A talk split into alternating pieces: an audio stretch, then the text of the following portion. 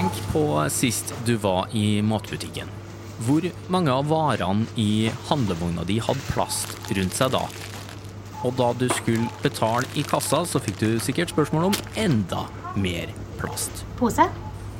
Plast er viktig for oss, bl.a. for å forlenge holdbarheten på mat, og dermed unngå matsvinn. Men det er samtidig en kjempeutfordring på søppelfronten, fordi det kan ta flere hundre år å bryte ned, og fordi dyr i havet fyller magesekken med mikroplast. Dyr som spises av andre dyr, som vi spiser hjemme. Ja, du skjønner greia. Men hva om vi klarte å lage plast som bare bruker noen uker på å brytes ned, og som dyr kan få i seg uten at vi behøver å bekymre oss? Vel, med plast av tare så er det mulig, og det produktet nærmer seg butikkhyllene med stormskritt.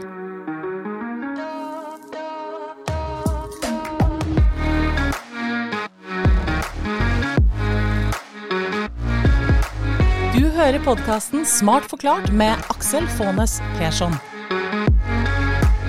Hjertelig velkommen til en ny episode av Smart forklart, podkasten fra oss i Sintef der du risikerer å bli litt klokere og få litt større tro på framtida for hver eneste gang du lytter innom.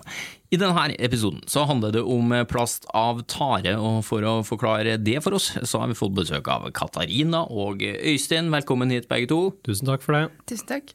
Katarina Nøkling Eide, doktorgradsstipendiat, fykolog, som du kaller det. Ikke psykolog, men fykolog. Hva er det for noe? Det er vel en betegnelse på en som forsker på tang og tare. Ja, enkelt og greit. Ja. Fykologen, der er et nytt ord, i hvert fall for min del. Øystein Alov, forskningsleder og prosjektleder i Sintef. Um, sist sett på TV i Dagsrevyen, dere to, da.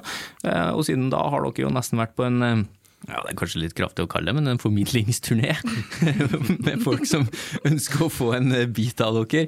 Og det er ikke så rart da, at dere har fått oppmerksomhet, for gjengen dere jobber med her i Sintef har altså klart å lage plast av tare. Og dere har med et eksempel her i dag, hvis du plukker opp det nå, Øystein.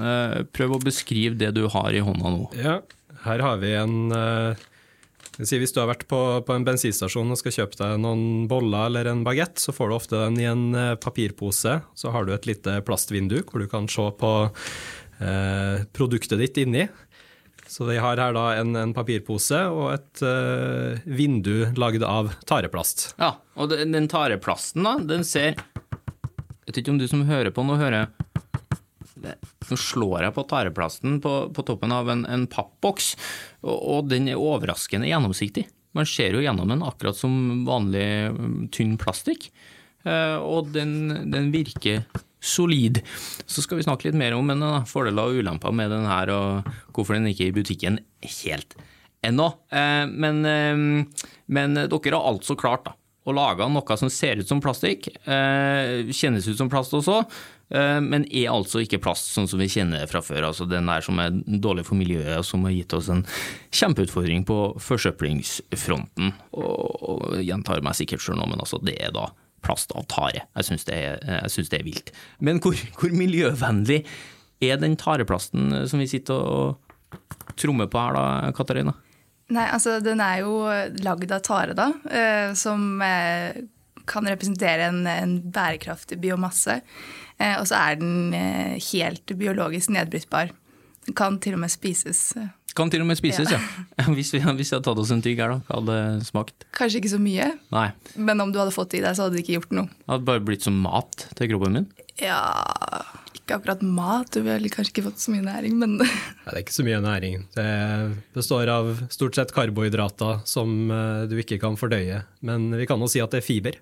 Ja, så noe godt hadde vært hvis jeg hadde slumpa til og begynte å spise til den plassen her, da. Men ok. Jeg tror vi bare skal hoppe rett inni her. Hvordan klarer dere å lage plast av tare? Kortversjonen er at vi, vi, tar taren, vi kverner den opp ofte, så gjør den litt uh, enklere å jobbe med. Så må den gjennom en uh, kjemisk prosess uh, for å ta ut alginatet som vi er interessert i. Så vi, vi tilsetter litt syre, vi tilsetter litt base. Og så kjører vi den inn i en eh, sentrifuge, ser nesten ut som en, en stor vaskemaskin, for å få separert ut alginatet, som vi da kan bruke videre til å lage plast av. Ja. Så eh, vi har da tare, la oss se det som et, et svært blad på rundt to meter, da, som vi kutter opp i små biter, kjører gjennom den vaskemaskinen, som du sier, og så får vi ut et eller annet som vi faktisk kan lage plast av. da. Eh, Men, men dykke, det var kortversjonen. Kan vi dykke litt ned i detaljene? Hva er alginatet er, for eksempel? Da? Hvordan, hvordan bruker vi det?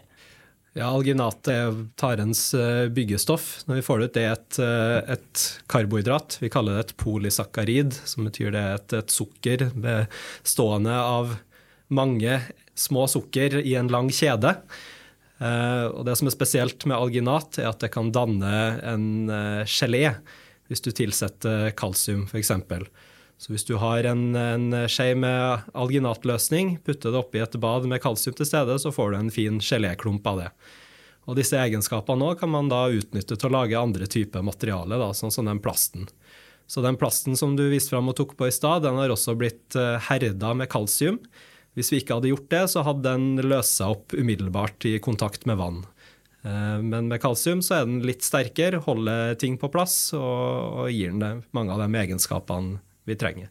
Ja. Men hjelp meg å forstå her, da. Altså, jeg, forstår den eh, delen av at man eh, kutter opp, at man eh, vasker det, eh, kjører gjennom en sentrifuge. Når det blir en gugge der til slutt, da, Katarina, altså, hva gjør man? Kjevler man det ut, da? Eller hva? Nå baserer jeg kun på mine kjøkkenferdigheter her, altså. Men hva, hva, hva, hva gjør man? Ja, nei, altså vi, Når vi feller alginatet, så blir det som en sånn slimklump. Og det pleier vi å tørke, sånn at man kan male det opp til et pulver. Og så kan du på en måte blande det pulveret inn i den, den blandingen som blir bioplasten til slutt. da. Ok, Så det er, en, det er ikke ren tare i den plasten, da?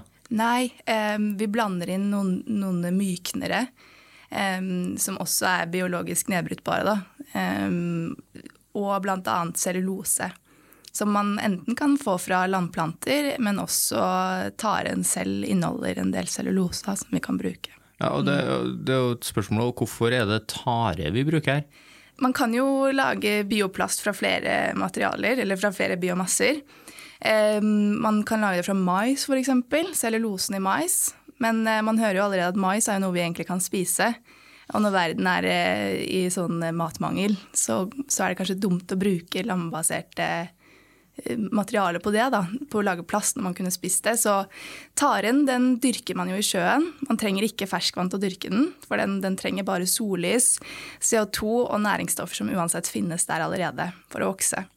Så den kan på en måte representere en, en, eh, en biomasse vi ikke utnytter til det formålet for før. da. Vi har også en veldig lang kystlinje i Norge med mye areal å ta av, som eh, kunne vært brukt til å dyrke tare. Så vi har et veldig stort potensial for å dyrke mer tare enn det vi gjør i dag. Vi har faktisk verdens nest lengste kyst.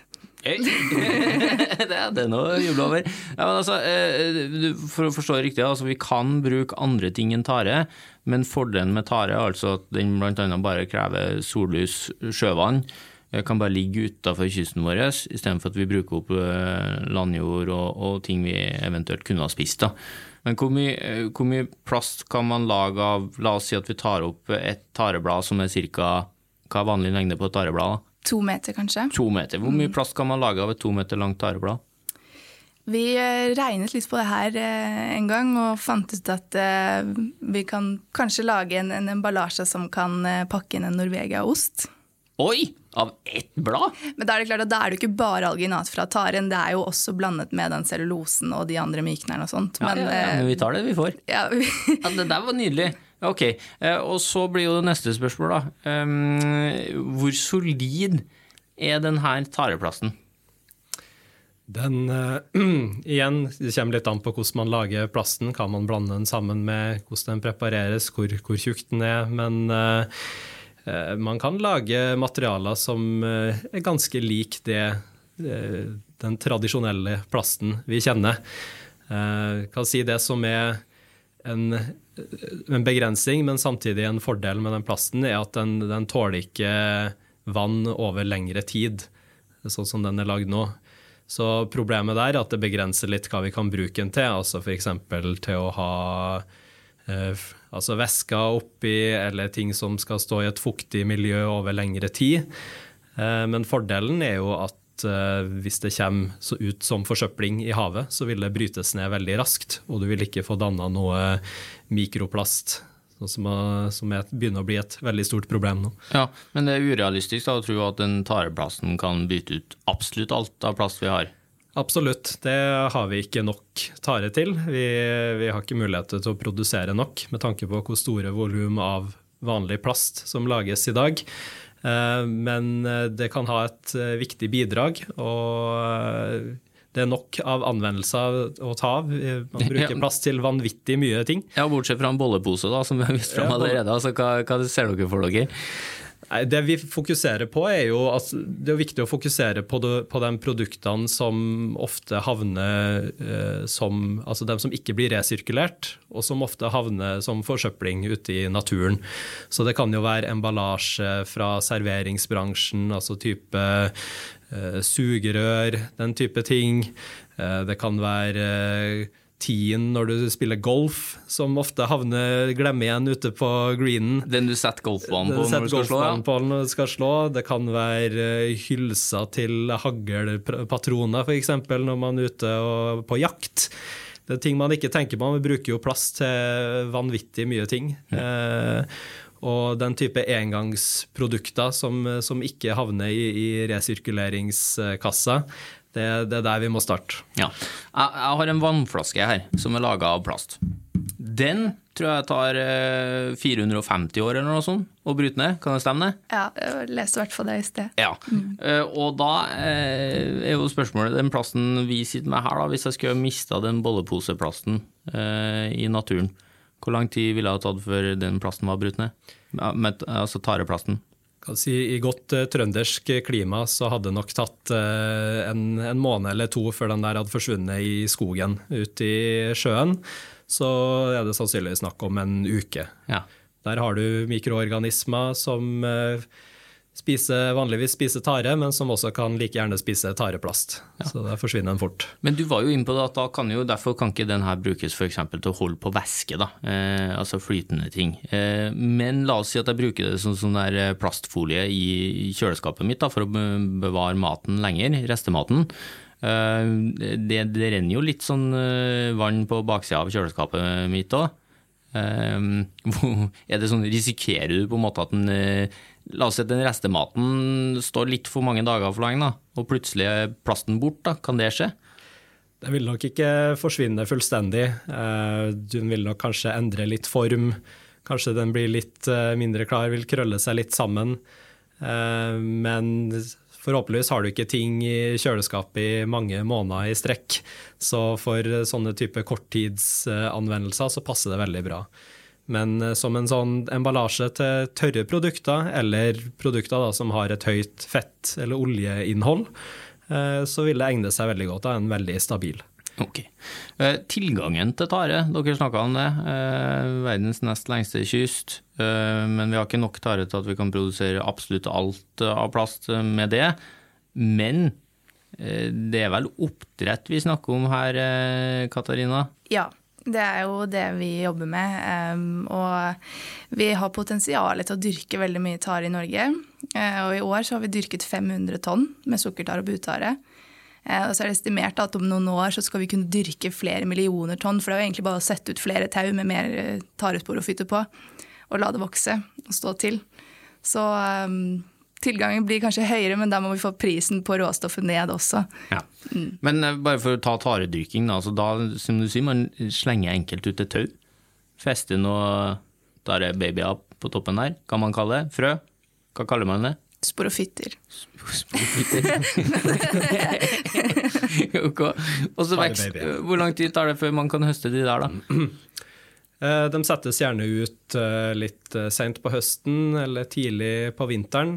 Eh, og så, de, eh, så er de liten ganske lang stund. De ligger måtte bare og koser seg nært overflaten. Og når det begynner å bli vår, de får mer sol, mer næring i vannet, så begynner de å vokse. Så rundt eh, mars så begynner de virkelig å skyte fart. Så da går de fra å være si en 10-20 cm og opp til to meter.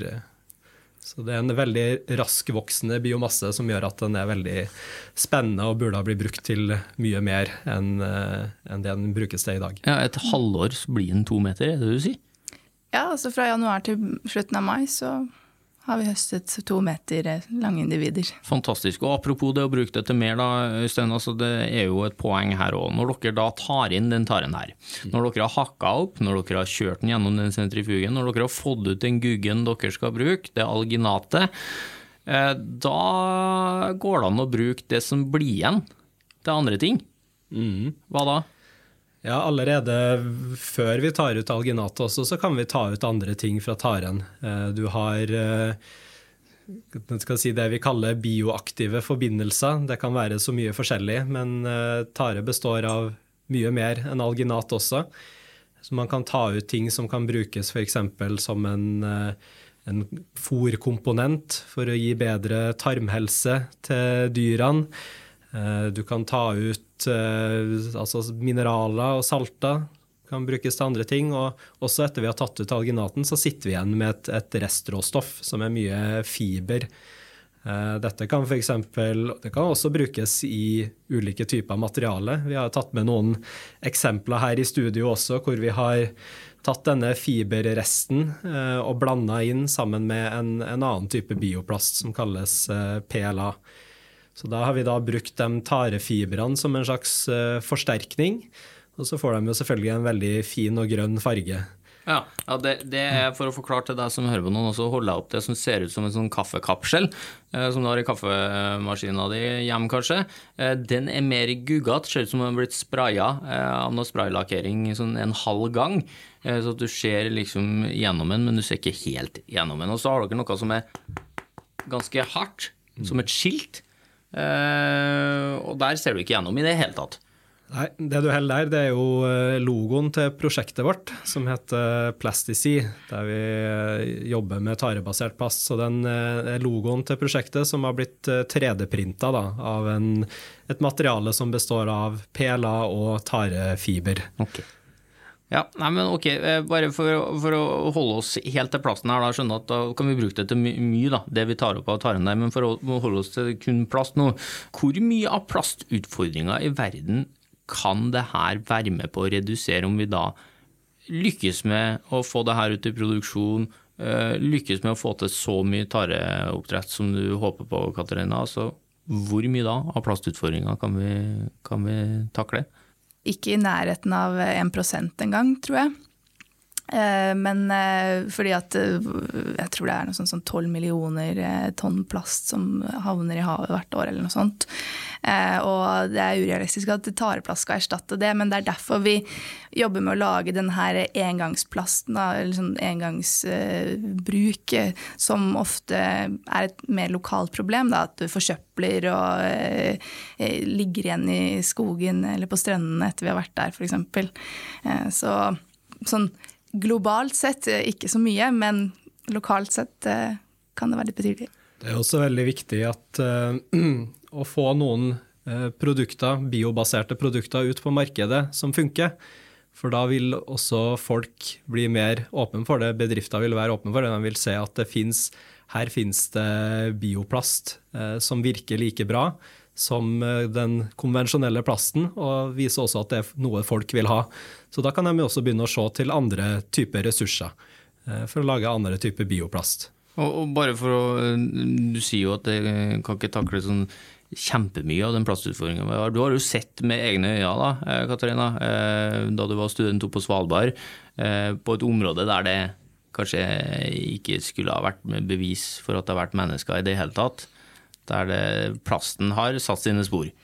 Ja, eh, jeg var med på et sånt eh, forskningscruise eh, da jeg studerte biologi. Og da seilte vi langs vestkysten og nordkysten av Spitsbergen på Svalbard. Og det er veldig mange havstrømmer som ender i Arktis og tar med seg mye av den plasten som er i havet, og, og sånn at den ender opp på strendene der. Da. Så det som skulle vært en uh, uberørt arktisk strand, så plutselig ut som et uh, festivalområde noen ganger. Ja, og Grunnen til det er jo at plast er jo noe vi har bruk for. Altså Hvorfor bruker vi så mye plast? Øystein? Plast er jo i utgangspunktet et veldig flott materiale. Det er fantastisk uh, Altså det kan brukes til så mange forskjellige ting. Det er billig, det er enkelt å resirkulere, du kan forme det på alle mulige måter. Eh, så ikke noe vondt om plasten i seg som et materiale, men problemet er jo selvfølgelig når den kommer ut i naturen. Eh, og vi bruker altfor mye plast også, og vi lager plast fra et eh, råstoff som ikke er bærekraftig. Ja og blir da ført med havstrømmene f.eks. til Svalbard. Da. Eh, og det er et kjempeproblem, tror jeg vi bare kan si enkelt og greit. Så, så trenger vi å gå nærmere inn på detaljene der, for da kan vi bli helt eh, dratt ned i søla. Men, eh, men for å ta tareplassen, da. Altså, tare spiser jo CO2. Det er den måten taren bygger seg sterk på. Det er jo maten, næringa til taren er jo å, å fange og, og spise CO2. Um, får vi en dobbelteffekt der, da? Med plast som er miljøvennlig, samtidig som det den er laga av faktisk har eh, knabba til seg litt CO2 på veien? Ja, det kan ha en, en positiv miljøeffekt ved å, å, ta opp CO2 fra atmosfæren. Eh, men da må man virkelig komme opp i stor skala eh, på taredyrkinga. Og sjøl da, så i forhold til et, et, anlegg som er bygd for å fange CO2, så utgjør det ikke veldig stort. Og man må også tenke på hva produktene går til, for hvis det her er plastmaterialer som skal komposteres, eller hvis taren skal spises eller brukes som fôr, så vil det jo komme tilbake inn i kretsløpet. Men det er jo viktig også å tenke på at man kanskje erstatter noe som genererer mer CO2 enn det eh, tareplasten gjør. Eh, men hvis man skal bruke tare som en, eh, et rent middel for karbonfangst, så må man se på, på andre anvendelser hvor du lagrer den over lengre tid. Ok, Men for å få det her ut i markedet, ikke bare i, i laben deres og i studioet her, så må jo markedet være interessert i det. Eh, du snakka litt om det, at det handla litt om å vekke interesse for det her, da. Altså hvordan er interessen ute i, markedet? Plast er jo i utgangspunktet utrolig billig å lage. Det er kanskje ikke det her. Nei, det stemmer det du sier. Eh, jeg kan jo starte med å si at interessen er veldig stor. Eh, fordi altså, folk er opptatt av miljø. Uh, og bedrifter er også opptatt av miljø til en, en viss grad, uh, men de ser jo at de kan også stå ovenfor restriksjoner, eller til og med kanskje sanksjoner på sikt, for å bruke plast, og vet at de må se etter mer bærekraftige alternativer. Så de er også interessert, men selvfølgelig, de må jo få en, en prototype i hånda. De må vite at eh, den har den egenskapen de trenger. Eh, de må vite at det kan produseres på en effektiv måte, og den kan ikke koste for mye. Eh, så det er en utfordring i dag, er jo at det koster ganske mye å dyrke taren. Den, så den må da selges til et marked som kan betale mer enn det en emballasjeprodusent kan gjøre. Ja, hvorfor er det så dyrt å produsere tara? Det har litt med den uh, skalaen det dyrkes i nå. Vi nevnte 500 tonn i stad, som egentlig er veldig lite. Uh, når det dyrkes flere millioner tonn på global skala. Uh, så det som trengs, er jo en, en oppskalering. Man trenger en industrialisering av altså selve dyrkinga, høstinga og prosesseringa av taren. Si litt, litt på lik linje vi har hatt med, med laksenæringa i Norge. Dette vil da få ned eh, prisen på råvaren. Og det vil være helt nødvendig for å, for å, i det hele tatt vurdere sånne anvendelser som, som, plast. Ja, Så for å løse de her utfordringene med at det er dyrt, så må vi rett og slett utvikle teknologi som gjør det billigere? Absolutt. å dyrke. Men, men hva med selve den der eh, prosessen med å få det til å bli plast? da? Er den, jeg tipper den er rimelig kostbar den òg, Katarina? Ja, foreløpig så er den jo det, og det er derfor vi ser på hvordan vi kan gjøre den billigst mulig også. Hvor grovt kan si, kan det alginatet vi bruker være for at det fortsatt funker bra i bioplasten vår? Ehm, for å, for å på måte, minske eh, mengden prosessering du må gjøre med taren. Så vi kan jo si De produktene vi har hatt med i dag, som er veldig fin og gjennomsiktig, det krever også en del prosessering.